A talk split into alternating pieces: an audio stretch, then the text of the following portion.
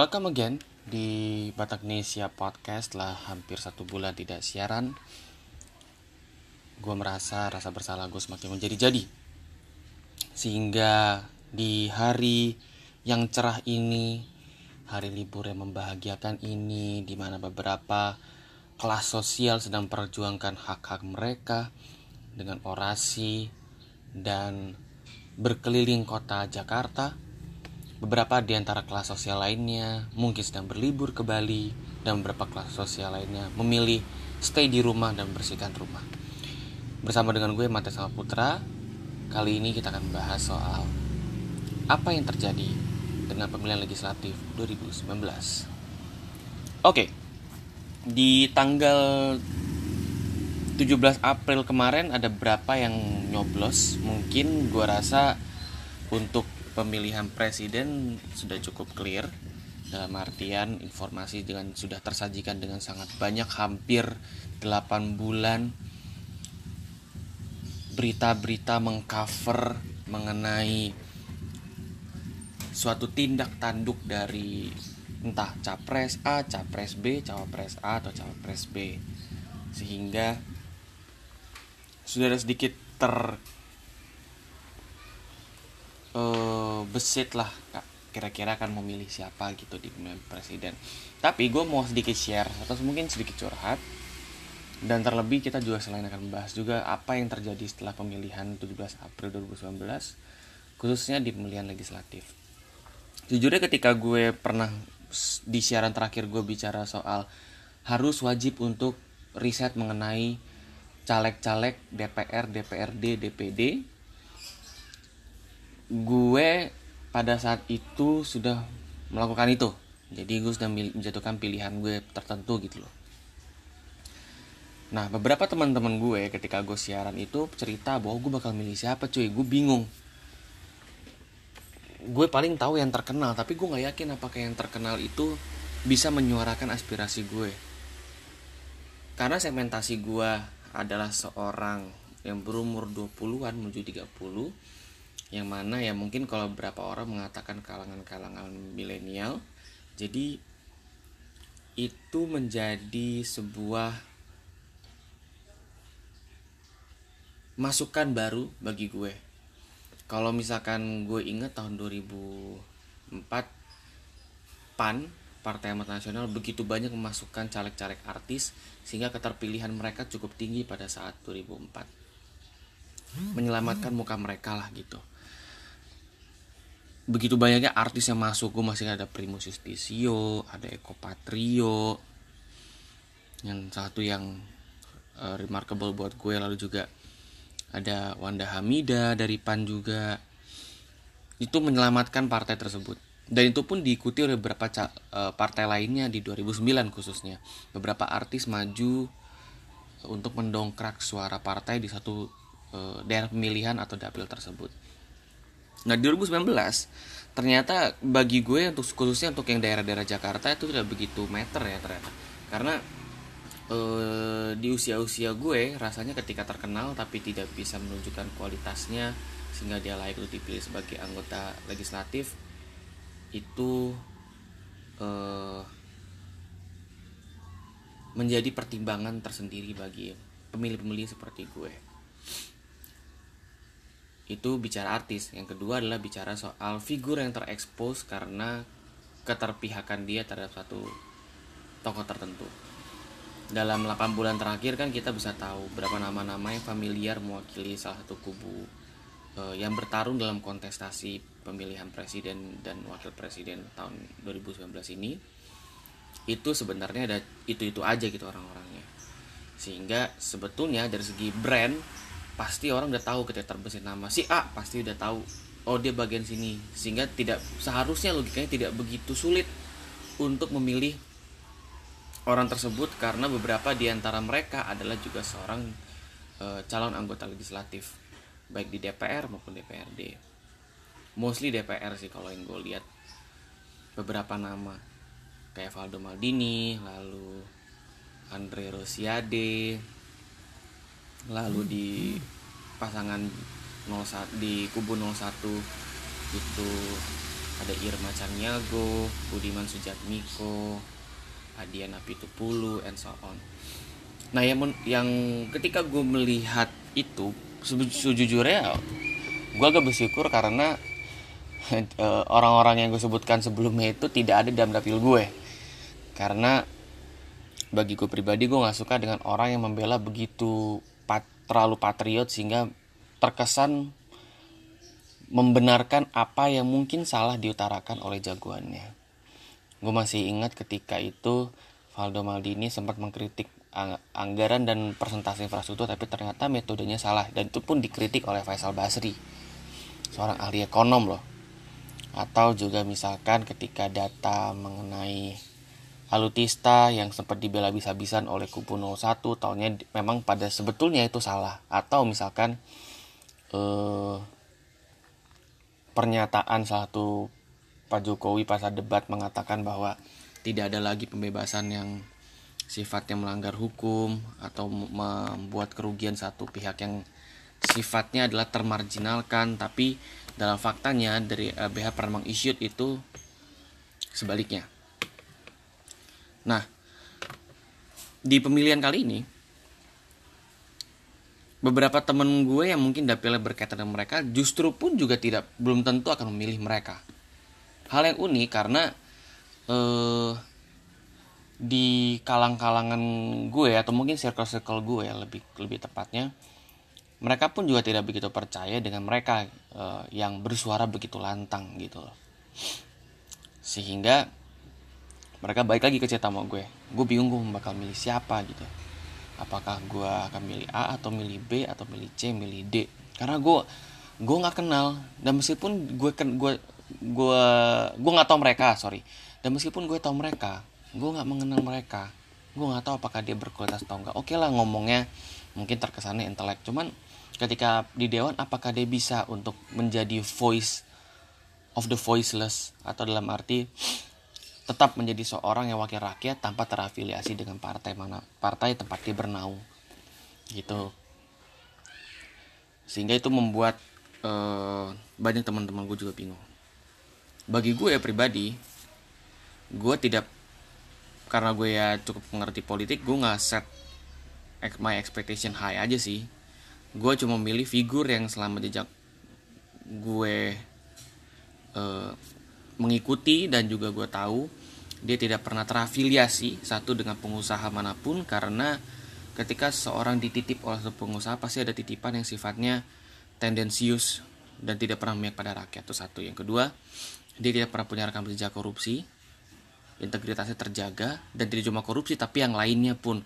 Kriminal eh, secara umum itu menjadi referensi besar bagi gue dan yang ketiga aksesibilitas.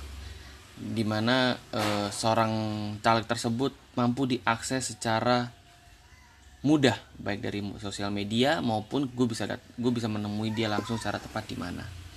Itu referensi gue. Nah itu sebelum 17 April 2019 setelah 17 April 2019 fenomenanya unik bagi gue gue agak sedikit wow dengan fenomena pemilihan legislatif kali ini. Karena apa yang gue lihat apa yang gue duga itu berkebalikan satu bahwa figur-figur terkenal tentu menjadi uh, acuan utama bahwa dia pasti terpilih kembali. Nom satu adalah nomor urut bukan lagi menjadi sebuah acuan. Beberapa caleg yang partainya nomor satu bahkan uh, ter uh, menjadi uh, tidak menjadi suara terbanyak di partainya. Meskipun dari segi branding gampang untuk mengkampanyekan dia. Begitu banyaknya caleg, misalkan lu punya preferensi partai A, lu bingung kan pilih siapa, lu pasti logikanya akan uh, dua opsi pilih partai ataupun pilih nomor satu lah yang gampang gitu. Ini enggak. Yang berarti tingkat intelektualitas dan melek politik itu semakin tinggi which is good bagi gue. Kenapa? Berarti uh, tindak tanduk wakil kita nantinya konstituennya pun gak goblok-goblok amat untuk bisa mengkritik secara terbuka caleg yang dia pilih dan terpilih di dalam uh, DPR, DPRD ataupun DPD beberapa nama-nama yang bahkan terkenal pun terancam gak lolos. Terakhir gue baca berita tuh ada beberapa nama yang terkenal kayak misalkan Marora Sira dari PDIP itu bahkan terancam tidak lolos. Valdo Maldini terancam tidak lolos. Ferdinand Hutahayan terancam tidak lolos. Uh, di dapil gue Effendi Simbolen sangat bersaing ketat dengan Pulung Agustanto untuk mendapatkan si terakhir. Ya berarti kalau kita dari segi branding Effendi Simbolen udah terkenal banget. Tapi dia tidak menjadi jaminan bahwa dia akan terpilih lagi. Di dapil gue kayaknya yang paling besar tuh antara Charles Honoris Rahayu Saraswati ataupun Darmadi Durianto tiga itu kok nggak uh, perolehan suara yang tertinggi ya. Di samping uh, menguntit di belakangnya Hidayat Nur Wahid dari PKS nah itu hal yang membuatku kaget. Karena itu membuktikan bahwa eh, metode-metode baru untuk melihat apakah elektabilitas seorang caleg itu dipilih tidak lagi berdasarkan ketahuan orang terhadap caleg tersebut. Gitu. Nah yang kedua yang fenomena unik bagi gue adalah afiliasi tidak menentukan bahwa satu daerah tersebut akan memilih caleg itu gue sempat baca uh, artikel satu jubirnya 02 namanya Jansan Setindaun dari Demokrat. Dia kalah di pemilihan di Sumatera Utara. Dan memang menurut gue dapil yang dipilih adalah dapil yang bukan kandangnya 02 dapil Toba Toba Tobasa atau Toba dan Pulau Samosir yang pada saat sekarang pemilihan presiden tuh 01 menang telak di situ. Dan dia mengatakan begini e, tingkat intelektual intelektualitas masyarakat di Sumatera Utara bukan intelektualitas ya objektivitas itu masih belum besar karena mereka selalu preferensinya terus e, ketika dia memilih capres A maka partai yang dipilih adalah partai yang membela capres A. Sehingga sulit bagi e, Jansan Sitindaun untuk meraup suara besar di kantong yang bukan kantongnya 02 dalam argumen yang itu gue mengerti dan gue make sense terhadap tersebut. Tapi yang menarik adalah Valdo Maldini. Bogor itu kantongnya kantong 02 tapi kenapa dia bisa kalah? Ya berarti uh, ada dua hal. Uh, gue sempat melihat satu komen dari Instagramnya Bang Valdo. Dan satu komen tersebut adalah you are good tapi gue nggak suka dengan cara lu membela Pak Prabowo dan dia adalah pemilih Pak Prabowo yang komen itu. Gue sempat nge-search Instagramnya ya.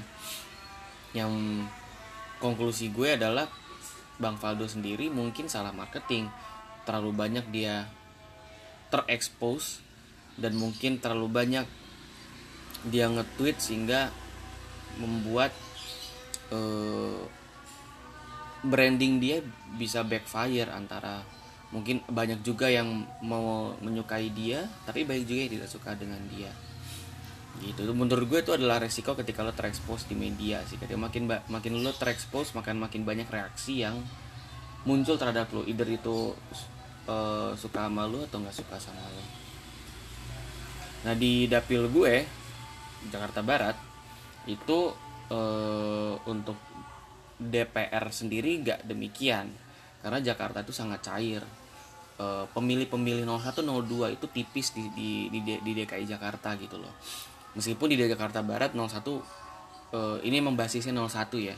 Dan basisnya partai-partai 01 pada saat 2014 ini basisnya PDIP banget nih. Sekarang dapil gue ini basisnya ada dua sekarang. Basisnya PDIP dan basisnya PSI. Surprise ya PSI keren congratulations to PSI meskipun gue agak sedikit bukan kurang suka tapi gue selalu kritis dengan PSI cuman um, ini pencapaian luar biasa yang berarti lo masih punya modal politik 5 tahun untuk maju nanti di pemilu 2024 ada jualannya lah nanti dimulai dari DKI Jakarta. Nah di dapil gue nih gue bisa cerita aja ya. Di DPR-nya itu gue udah cerita bahwa yang besar uh, yang tinggi itu untuk keterpilihannya uh, yang gue tau empat oh lima deng sorry.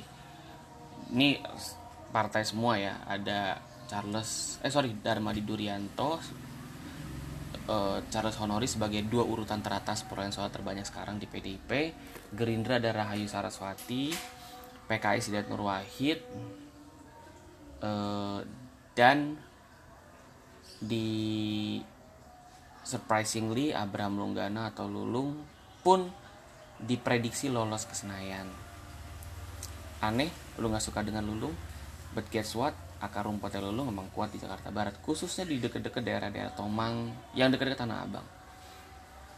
Gue udah duga dan itu adalah taktik yang bagus dari PAN untuk merekrut Lulung untuk masuk partainya. Berbanding terbalik dengan partai lamanya P3 yang tiba-tiba tinggal dan tenggelam di DKI Jakarta. Itu dapil gue. Kalau di dapil eh sorry di DPRD provinsi dapil gue itu pertama di PDIP itu ada dua yang susul menyusul ya gue yang gede-gedean lah. Itu ada Imam Mahdia mantan staffing Ahok dan yang kedua ada Mary Hotmart. Lalu di Gerindra itu ada Yuda Permana. Terus di Demokrat itu dengar-dengar Wita Wita Susilowati. Terus di PKS ada uh, Haji Nasrullah. Di DPRD persaingannya nggak begitu ketat seketat DPR sih karena uh, nah ini yang unik dari DPRD ketika lo milih DPRD akar rumputnya jauh lebih kuat karena uh, para caleg itu punya fokus yang terspesifik. Kalau di DPR kalau notice dapilnya pun nggak cuma Jakarta Barat Jakarta Utara ada Kepulauan Seribu. Kalau Jakarta tuh dapilnya ada uh, dapil itu mencakup tiga wilayah setingkat gue ya. Tiga atau dua wilayah beberapa kalau DPD di sini yang kuat tuh dua. Uh, ada Sabam Sirait tetap karena ya jadi branding dia sangat legend dan dihormati banyak pihak. Yang kedua itu ada Silviana Murni mantan cawagup pesaingnya Pak Ahok di Pilkada 2017 kemarin. Nah, gue mau bahas sedikit satu aspek lain pos uh, pileg 2019 yaitu soal tokoh. Gue sempat bikin kuesioner kan sebelumnya. Apakah tokoh berpengaruh besar terhadap keterpilihan uh, dengan bahasa yang gue ubah? Apakah uh, gue spesifik itu? Apakah Pak Ahok membuat anda tetap mendukung Pak Ahok atau ataupun kecewa dengan Pak Ahok? Dan jawabannya 50-50. Nah, ternyata persebaran itu besar di Jakarta Barat yang for Pak Ahok. Kenapa? Karena beberapa jagoan-jagoannya Pak Ahok punya suara besar di sini. Contoh, di DPRD DKI Imam Mahdia itu di endorse Pak Ahok adalah menjadi sementara adalah suara terbesar di PD Perjuangan. Lalu eh, di DPR sendiri Charles Honoris pun juga dapat suara yang cukup besar di sini pun karena di endorse Pak Ahok. Demografinya adalah komplek tuh banyak di sini. Masyarakat tinggal di komplek yang pekerjaannya pasti ya jarang mungkin jarang di rumah nongkrong e, perkumpulannya pun mungkin terbatas pada arisan-arisan komplek. Sehingga untuk bisa satu caleg itu turun ke daerah-daerah komplek itu mau nggak mau aksesnya pun tidak bisa dijangkau dengan cukup dengan hanya akses turun ke, ke dapilnya. Atau bikin kampanye atau belusukan. Perlu ada akses media sosial. Yang ini menjadi fenomena baru untuk ke 2024 khususnya pemilih milenial adalah aksesibilitas untuk sosial media adalah isemas untuk siapa pun caleg ataupun lo yang sedang berpikir untuk maju sebagai calon anggota legislatif di pemilu 2024 karena pertumbuhan masyarakat uh, produk-produk DKI ataupun produk Indonesia secara umum yang melek teknologi semakin besar dan berbanding terbalik dengan uh, pertumbuhan uh, para penduduk yang umurnya pun 40 atau 50 atau 60 itu perlu diperhatikan. So uh, bagi gue tuh sum up untuk pemilih kali ini tuh mengejutkan bagi gue terlebih karena ini menjadi bukti bahwa bibit milenial tidak bisa diremehkan. Di daerah gue PSI berhasil untuk mendapatkan modal yang bagus banget untuk lolos parliamentary threshold 2024 karena mereka bisa menjual kinerja-kinerja anggota legislatif mereka. Kalau kinerja bagus nanti lima tahun ke depan di DPRD DKI sebagai bahan kampanye untuk menyebarkan istilahnya ya menyebarkan pengaruh-pengaruh yang sudah mereka lakukan di DKI ke seluruh Indonesia. Bisa jadi 2024 PSI bisa lolos parliamentary threshold karena mereka dapat modal yang bagus. Sementara yang harus jadi was-was adalah partai-partai yang sudah cukup lama. Khususnya hegemoni-hegemoni part, tiga partai besar saat ini ya, PDIP, Gerindra, dan Golkar. melihat perkembangan PSI yang semakin besar terus nih ya bukan tidak mungkin suara-suara di PDIP, Golkar maupun Gerindra akan semakin tergerus. Kalau di DKI misalkan kita persebaran DKI ya, suara Golkar bahkan itu kalah dari suaranya PSI loh. Akar rumputnya PDIP dan Gerindra mungkin masih Gerindra dan PKS ya mungkin masih kuat PKS segmentasi berbeda. Tapi Golkar itu bener-bener lu lihat shifting pemilihnya beralih semua ke PSI di DKI jadi ya untuk partai-partai lama udah ada korban sekarang jadi ya you better prepare untuk 2024 bagaimana merebranding supaya bisa me meraih simpatik pemilih milenial dan dan bagi gue pemilih milenial tuh sangat sangat concern terhadap integritas dan kinerja bagus dan aksesibilitas seperti gue gue lihat gue utarakan sebelumnya percuma lu uh, partai lu adalah partai yang besar tapi kalau misalkan pemilihnya adalah untuk investasi jangka panjang uh, kinerjanya tidak bagus, tidak bisa diakses oleh konstituennya, integritasnya dipertanyakan. Um, bukan tidak mungkin suara yang gol, uh, korban selanjutnya tidak lagi cuma Golkar tapi yang lain. Jadi um, gue berharap justru ini lecut bagi partai-partai lama untuk berbenah.